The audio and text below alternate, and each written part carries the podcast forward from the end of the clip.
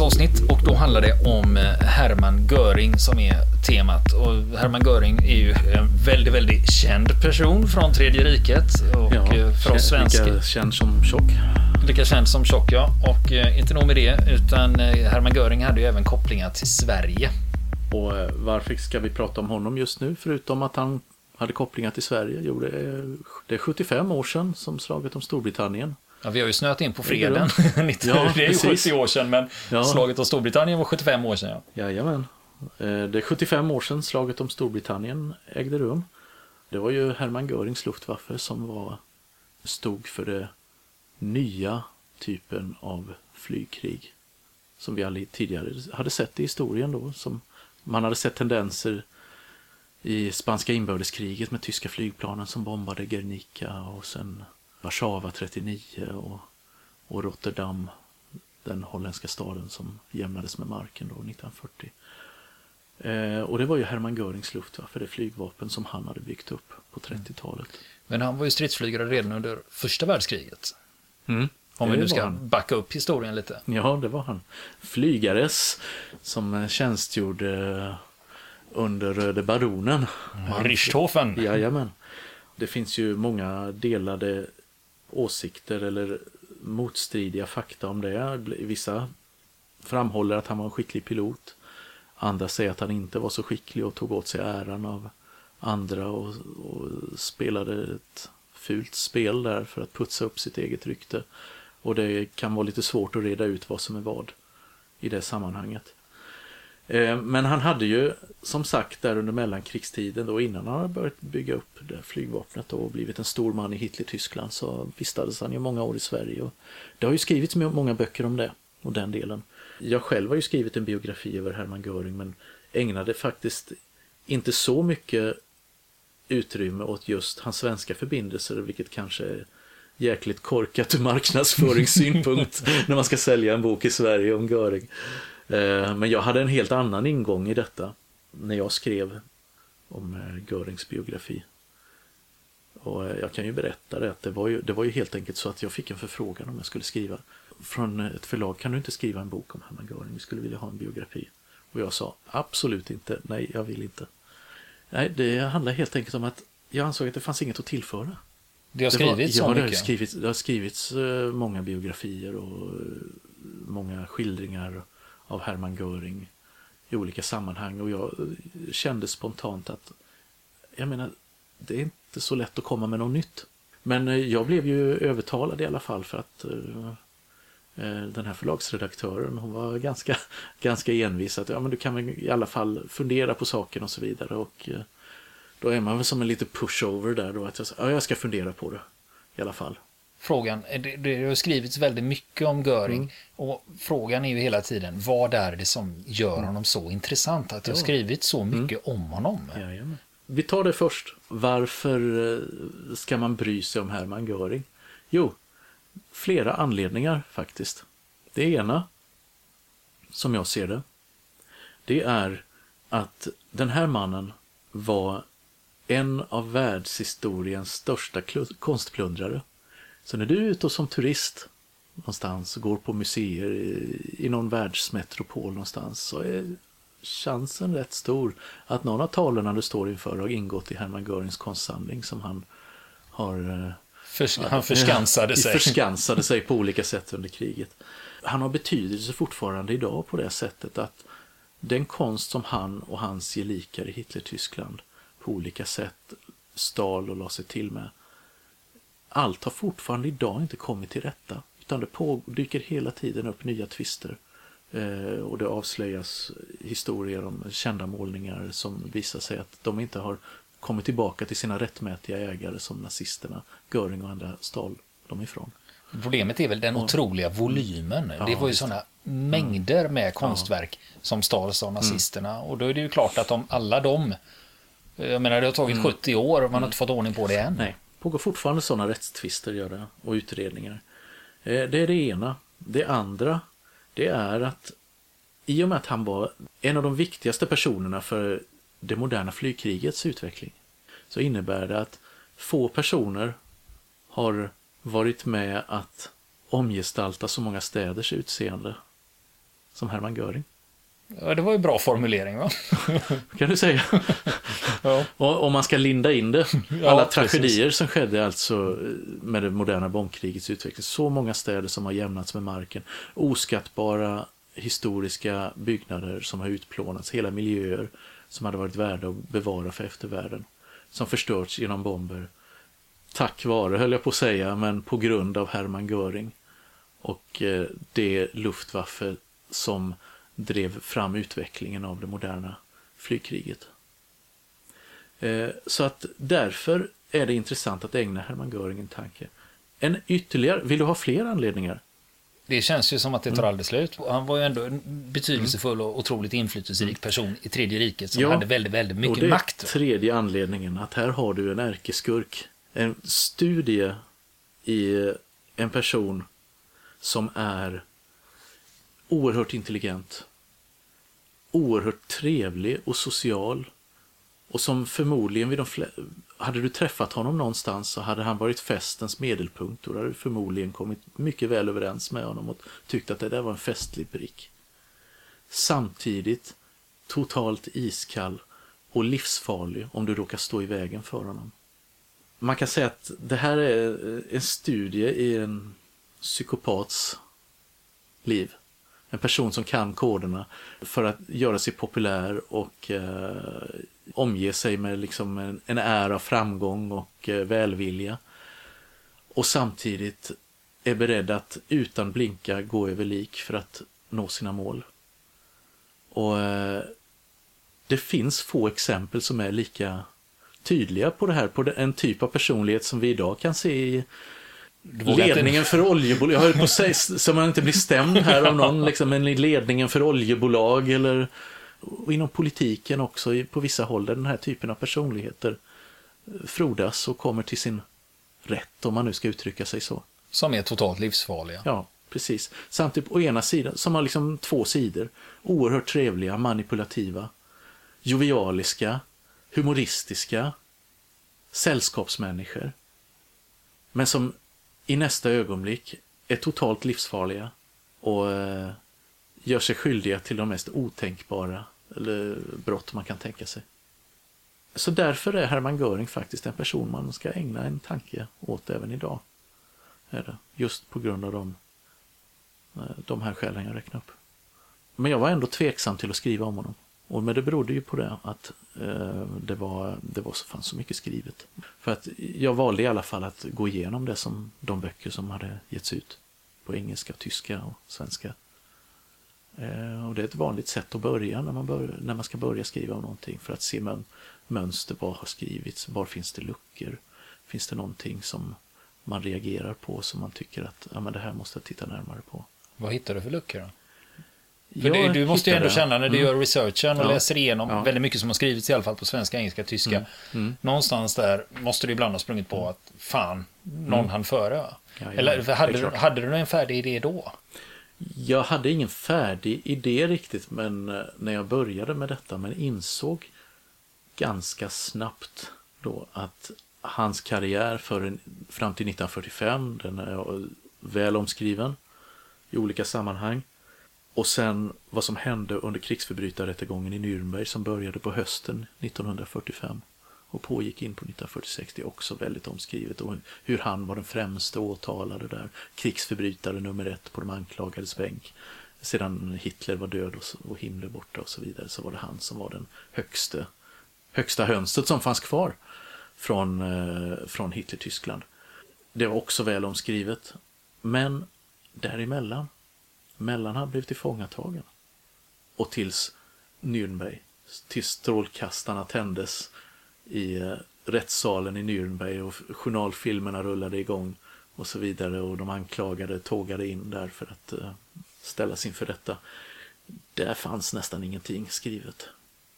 Men det, fanns material att Ja, tillgå. jag, och det var det att jag upptäckte att jag in, upptäckte för ett starkt ord, jag insåg att det fanns en samling dokument som kunde ge ett helt nytt perspektiv på den här historien om Hermann Göring. För det var nämligen så att under de här månaderna innan krigsförbrytarrättegången inträffade så hölls det en massa förhör med honom i slutna rum så att säga med förhörsledare från de allierades sida, främst amerikaner och ryssar. Alla ville ha sin bit av Hermann Göring. Vad man måste komma ihåg var att när kriget tog slut så var det mycket som omvärlden inte kände till om, alltså de beslut som hade fattats i Hitler-Tyskland och så vidare. Det är ungefär som vi tänker på Nordkorea idag. Vi har inte jävla aning om vad som pågår där. Så det var många som ville veta vad hade hänt bakom kulisserna och så vidare. Och den som kunde svara på det var Hermann Göring. För han hade varit med Hitler ända sedan 1923. 22-23. Så att han blev ju förhörd av eh, krigsbrottsutredare, av eh, militärhistoriker, ekonomiska experter, diplomater och så vidare och så vidare. Som alla ville ha sina pusselbitar för att kunna skriva sin historia och mycket av det här hamnade i arkiv i USA utan att användas sen av historiker eller andra utan man tappade intresset för det. Jag insåg att utifrån de här förhören så skulle det faktiskt gå att berätta både Hermans historia med egna ord som han själv ville framställa den samtidigt som du ser luckorna i det. Ser hur försökte han bygga upp sitt försvar? Försökte han försvara sig ens? Är han meddelsam i förhören? Ja, liksom, svarar han på var, frågor? Han det pratar? Var, det, det, var väl snarare så att de ibland hade lite svårt att få stopp på honom och få in honom på rätt spår. För han pratade gärna och mycket. Det viktiga med de här förhören var ju att de kom till innan han visste vad han skulle komma att anklagas för. Eller att han ens skulle bli anklagad som krigsförbrytare. Vilket gjorde att han skulle prata lite öppnare då kanske. Om mm. saker och ting som hade hänt. Försökte han förskö försköna sin roll eller omskriva eller lyfta bort skuldfrågan lite. från sig själv? Ja, han försökte försköna förvånansvärt lite. Så kan man säga.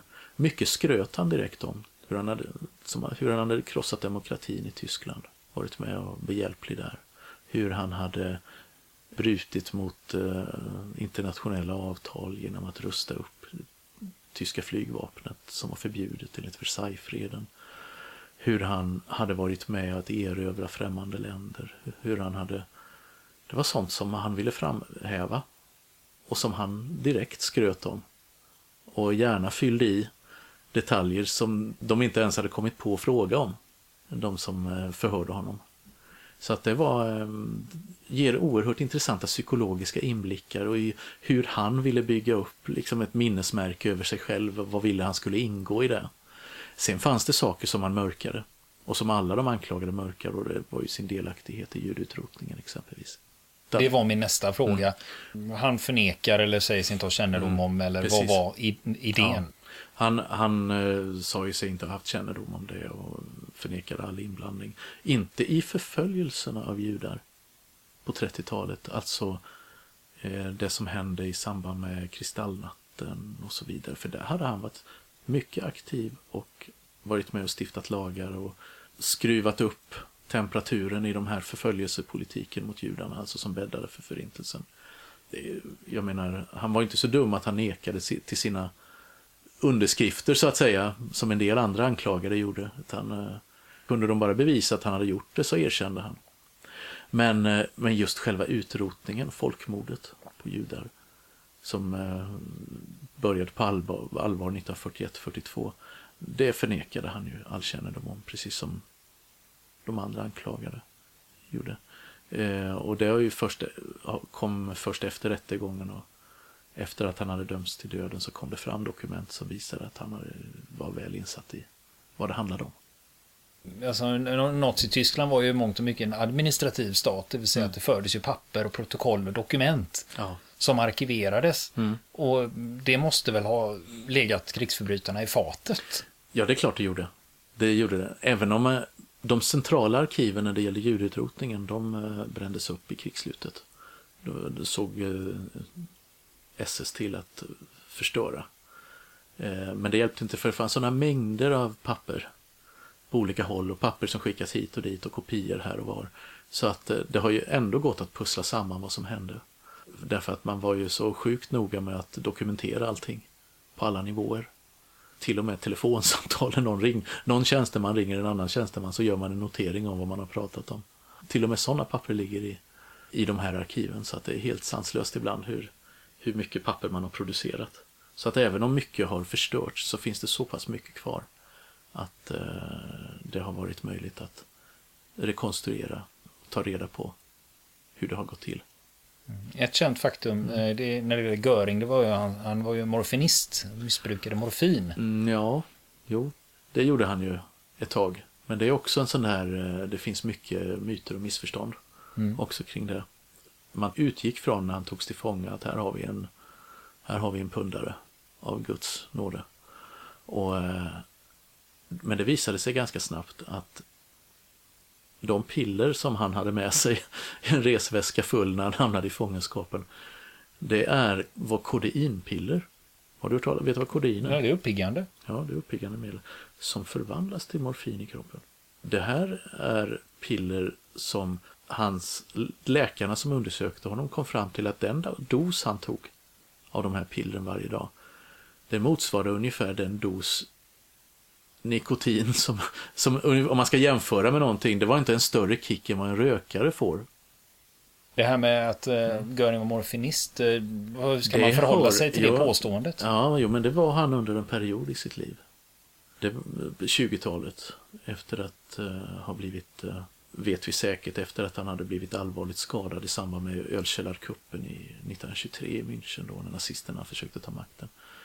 Eh, så hade han fått ett eh, skott i ljumsken, en kula i ljumsken och blivit förd till ett lasarett i Österrike på andra sidan gränsen där man pumpat honom full med morfin och opererat honom och så ska han ha blivit morfinist efter det. Det är den vanliga förklaringen. Det kan vara så att han redan hade börjat missbruka olika preparat som stridsflygare under första världskriget, vilket eh, inte är helt otroligt eftersom de här personerna var tvungna att hålla både nerverna i styr och eh, hålla sig vakna. Därför att det var ett oerhört utmattande många gånger att vara jaktpilot då. Eh, så att det kan vara möjligt att det hade, han hade påbörjat ett missbruk redan där. Men eh, hans medicinska historia känner vi inte till för hans medicinska journal har inte kommit fram. Och eh, hans läkare, personliga läkare vägrade uttala sig efter kriget för förhörsledare och andra. Så att eh, hans medicinska historia är vi hänvisade till indicier hela tiden. Och vad vi vet utifrån andra källor. Men på 20-talet var han definitivt morfinist för han satt ju för avvänjning i Sverige på flera vänder på eh, mentalsjukhus här. Att han satt på mentalsjukhus beror på att det var där på de institutionerna som man behandlade missbrukare på den tiden i Sverige. Men det var ju naturligtvis förknippat med att överhuvudtaget sitta på en sån här institution ledde ju till att man ändå förknippades med psykiska sjukdomar och så vidare. Något som var oerhört känsligt om man skulle bli andre mannen i hit i Tyskland och han försökte hålla det hemligt. Men det kom ut ändå via, på 30-talet via en, eh, via en tidning i Sverige. Men som jag hävdar i min bok så i slutet av 30-talet, senast under andra hälften av 30-talet, så bör han ha varit fri från det här morfinmissbruket. Att han har blivit avvand från det. Och vad finns det för indicier mot det, för det? Ja, ett indicium är att han blev pappa 1937. Det är helt enkelt så att eh, missbrukar du morfin så kan du inte ja, prestera. Prestera, nej, precis. Så att det är ett starkt indicium för att han vid den tiden inte gick på morfin. Och kodeintabletter används, kan användas som uppiggande och även som avvänjning för morfinister. Men vi känner inte till hur länge han hade använt dem och i, om han hade blivit knapra mer eller mindre av det här vid krigsslutet. Det vet vi inte. Men jag tänkte på de här förhörsprotokollen du har tagit del av. Du beskrev ju inledningsvis Göring som psykopat och mm. farlig, men mm. ändå mm. kunde föra sig i salongerna. Mm. Lyser det igenom i de här förhören också? Han är väldigt vältalig, är han. Och parerar skickligt frågor som han inte vill ha. Man ser att han är smart. Han är en intelligent person som, som kan formulera, alltså med, med ord omgestalta en, verkligheten så att den blir som den passar honom. Det framgår väldigt tydligt och, och att han delvis är bildad framgår också av de här. Men det finns också vittnesmål och minnesanteckningar från de, flera av de som förhörde honom. Där man, som också ger slut, man kan dra mycket slutsatser av och det ger intressanta inblickar i hur han betedde sig. Eh, vissa av de här anteckningarna är samtida från amerikanska underrättelseofficerare som har satt sig ner och antecknat sina första intryck av Göring strax efter att de har pratat med honom. i andra fall som med den eh, åklagare som förhörde honom mest, längst i Nürnberg innan rättegången. En amerikansk eh, jurist som hette John Amen skrev också minnesanteckningar som aldrig har publicerats som ligger i ett amerikanskt arkiv då som jag fick ta del av. Och berättar om just den här intellektuella brottningen med, med Göring hela tiden för att försöka få honom att eh, erkänna vad han hade gjort. Och eh, den som är intresserad kan också på engelska ta del av memoarerna från den tolk som satt med vid de här förhören. Han hette Richard Sonnenfeld. Bokens namn kommer jag inte ihåg i, i eh, just i sittande stund men det kan vi lägga ut på sidan sen. kan vi göra. Och den ger många inblickar i hur det var att arbeta i eh, det här justitiepalatset i Nürnberg då som på åklagarsidan eh, när man förberedde rättegångarna mot krigsförbrytarna, bland annat mot Hermann Göring. Ger många intressanta inblickar i hans tankevärld och hans reaktioner på olika anklagelser. Vi är inne på bokrekommendationer. Din bok heter ju Göring förhören 1945 mm. och den är utgiven av historiska media. Det är du, Niklas Köp den, köp den, köp den. Niklas passar på att plugga sina egna böcker här. Det, Niklas, det är ingen morgonsoffa det här. Du är med på det. Efter förhören så blir det rättegång i Nürnberg och eh, de som lyssnar på det här de är ju ganska bekanta med vad som mm. skedde sedan. Ja, det var ju ett oundvikligt slut och det, det var ju alla medvetna om i Hermann Görings fall även han själv.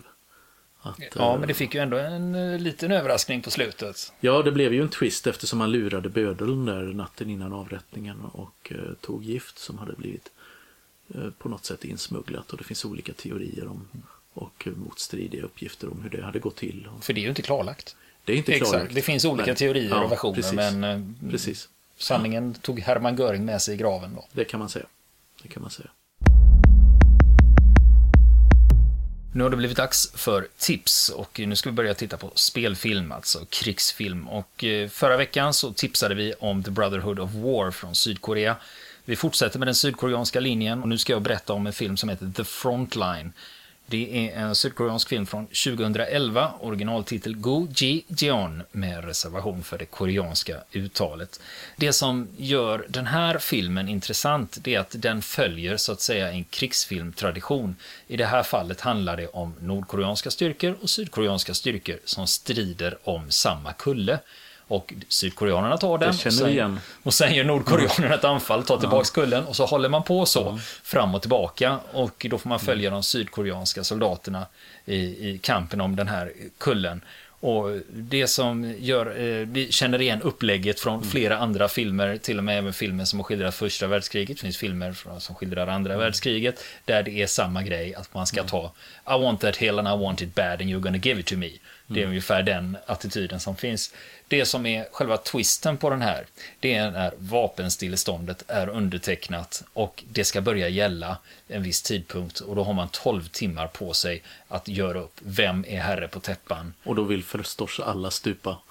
alla, längt, alla vet att freden är inom räckhåll. Här har man krigat i flera år och freden, det är bara några timmar kvar och hur motiverad är jag att storma upp för den här kullen mot de nordkoreanska kulspruteskyttarna. Men den är klart sevärd och den är som vanligt när vi pratar om sydkoreansk film, den är väldigt, väldigt välgjord och den heter The Frontline. Och nu ska vi prata dokumentärfilm och det här är en väldigt känd film som jag är helt övertygad om att flera av er har sett. Det handlar om ett amerikanskt förband och det handlar om Afghanistan och den heter Restrepo och den är från 2010. Den här filmen är så pass uppmärksammad, den har bland annat fått pris i Sundance på filmfestivalen där som bästa dokumentär. Det som sker i filmen är att eh, två dokumentärfilmare följer med eh, ett förband som ska, de ska eh, anlägga en bas uppe på en höjd för att ha kontroll över en dalgång. Och dels är det ingen lätt kamp och överhuvudtaget förskansa sig om den här marken och sen ska de dessutom uppföra en liten bas där, en observationspost och sen ska de då hålla den. Det är deras vedermödor då som vi får följa i den här. Och mm. det här är också en dokumentär där man upplever att filmarna har fått tillgång till, mm. till soldaterna och deras aktiviteter, att de är med mm. på plats där det händer. Mm. Du har ju, nu har ju jag inte sett den filmen, mm. så jag är lite nyfiken på den. Men varför tror, varför tror du att jag skulle uppskatta den? Det beror på att här har vi filmare som har full tillgång hela tiden. Och det känns lite unikt.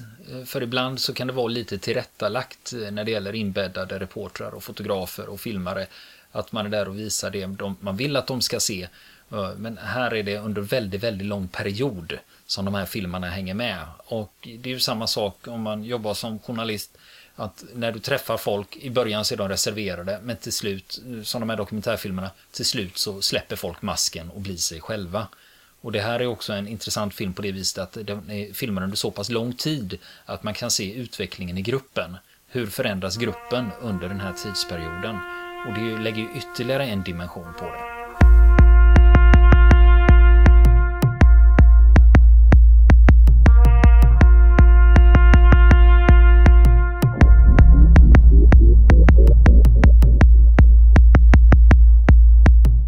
Vill ni komma i kontakt med oss så kan ni göra det via vår Facebook-sida som heter Fronten. Det är inga problem för er att leta er fram där. Eller också så mejlar ni på vår mejladress och det är frontenpodcastgmail.com.